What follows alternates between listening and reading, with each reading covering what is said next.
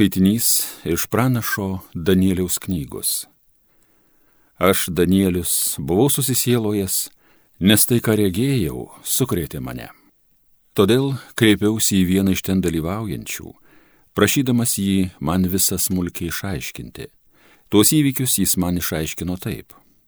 Tie keturi dideli žvėrys reiškia keturis karalius, iškilsančius žemėje. Tačiau karalystė perims aukščiausiojo šventieji ir jie ją turės visus amžių amžius. Tuomet panorėjau smulkiau sužinoti apie tą ketvirtą žvėrį, visai nuo kitų skirtingą, bjaurų pažiūrėti, turinti geležinius dantis ir vario nagus, ėdusi ir triuškinusi visą, o kas paliko trypusi kojomis. Taip pat aš norėjau smulkiau sužinoti apie tuos dešimt ragų ant jo galvos ir apie tą kitą ragą, kuris išaugo ir dėl kurio iškrito trys ragai, kuris turėjo akis ir įžūliai kalbančią burną, kuris pagaliau atrodė už kitus didesnis. Mačiau tą ragą kovojant su šventaisiais ir nugalint juos, kol pasirodė senyvas vyras. Tada šventiesiems buvo iškovota aukščiausiojo teisė ir atėjo metas, kada šventieji perėmė karalystę. Angelas man kalbėjo, Ketvirtasis žvėris reiškia, žemėje iškils ketvirta karalystė, visai skirtinga nuo kitų karalysčių. Ji visą pasaulį prarys, jį sutryps ir sutriuškins. Dešimt ragų reiškia, toje karalystėje bus dešimt karalių, bet dar pasirodys kitas, visai nuo pirmesnių skirtingas, ir nuvers tuos tris karalius.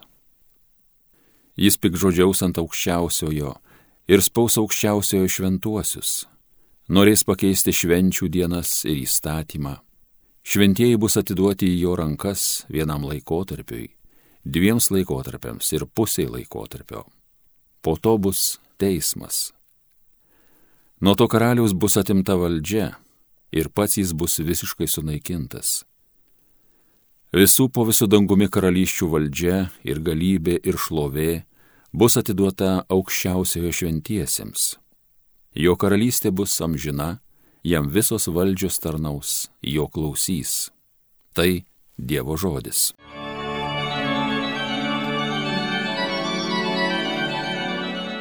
Garbinkit ir aukštinkit jį per amžius.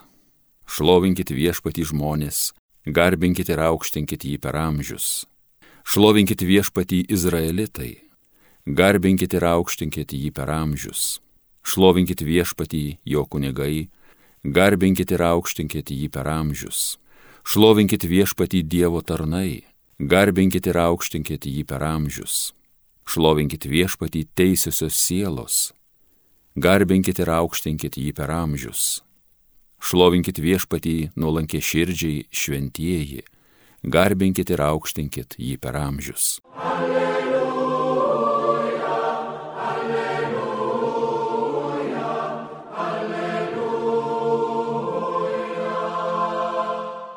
Visą laiką būdėkite ir melskitės, kad sugebėtumėte kaip reikia stoti žmogaus sūnaus akivaizdoje. Alleluja, alleluja, alleluja. Iš Šventojios Evangelijos pagal Luką. Jėzus pasakė savo mokiniams Saugokitės, kad jūsų širdis nebūtų apsunkusi nuo gardžių valgių, svaigalų ir kasdienių rūpešių, kad toji diena neužkluptų jūsų netikėtai. Ir žabangai užgrius visus žemės gyventojus. Todėl visą laiką būdėkite ir melskitės, kad sugebėtumėte išvengti visų būsimųjų nelaimių ir kaip reikia stoti žmogaus sūnaus akivaizdoje. Tai viešpatie žodis.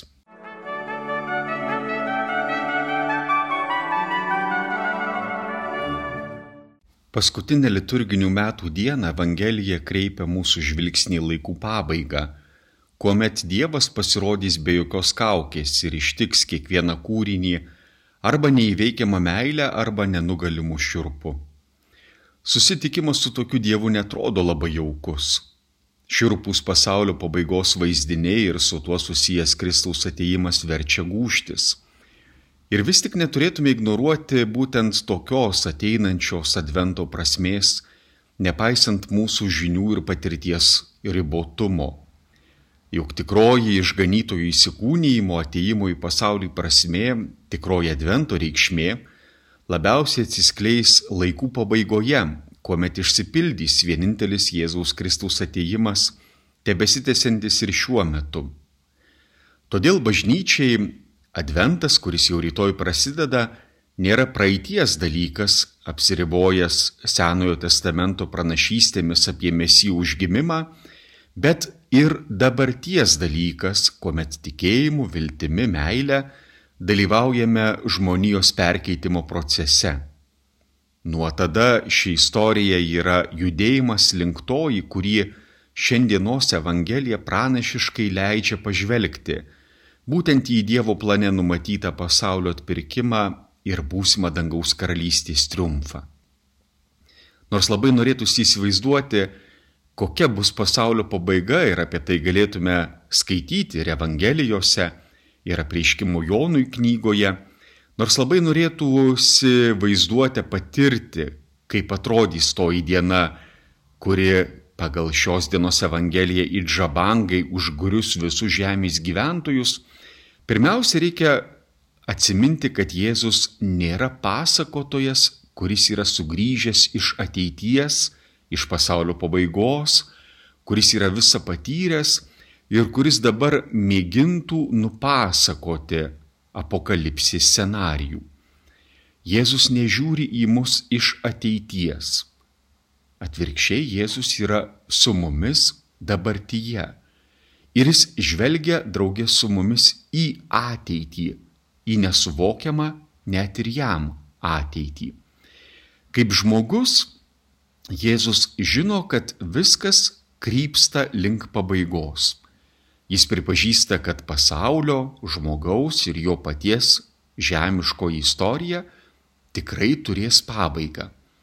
Tai yra tendencija, tai yra polinkis baigtis, kuris yra būdingas visai žmonijai ir visai žmogiškai tikroviai.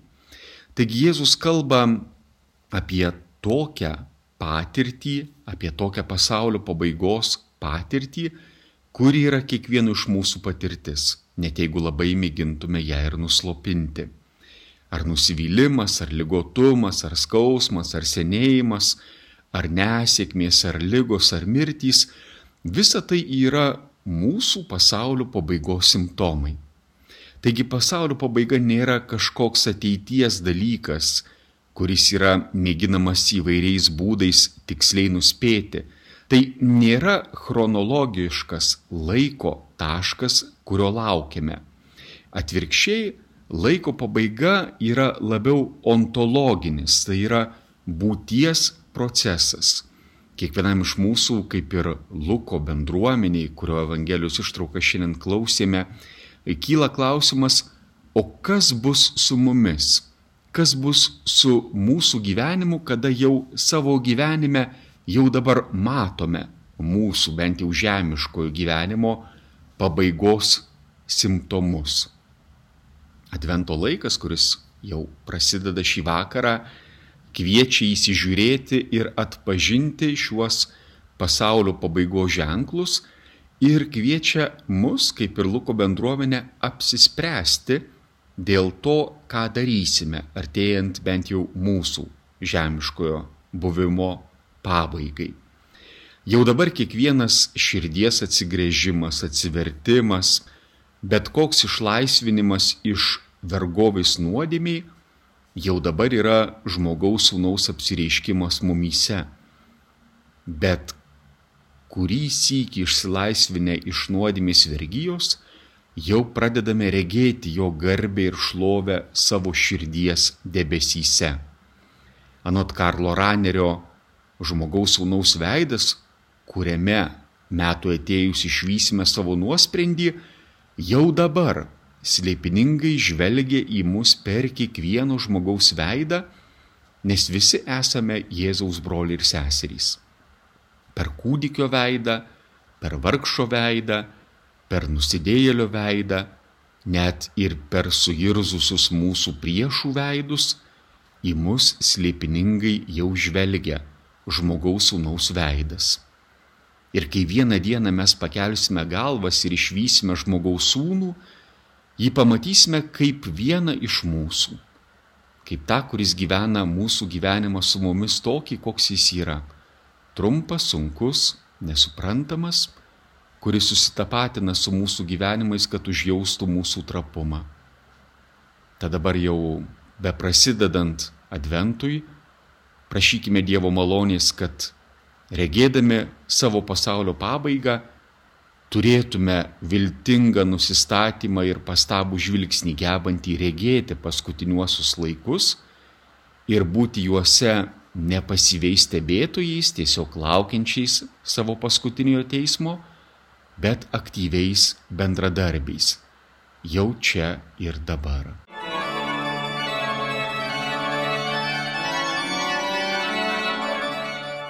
Homilija sakė kunigas Mykolas Atničenka.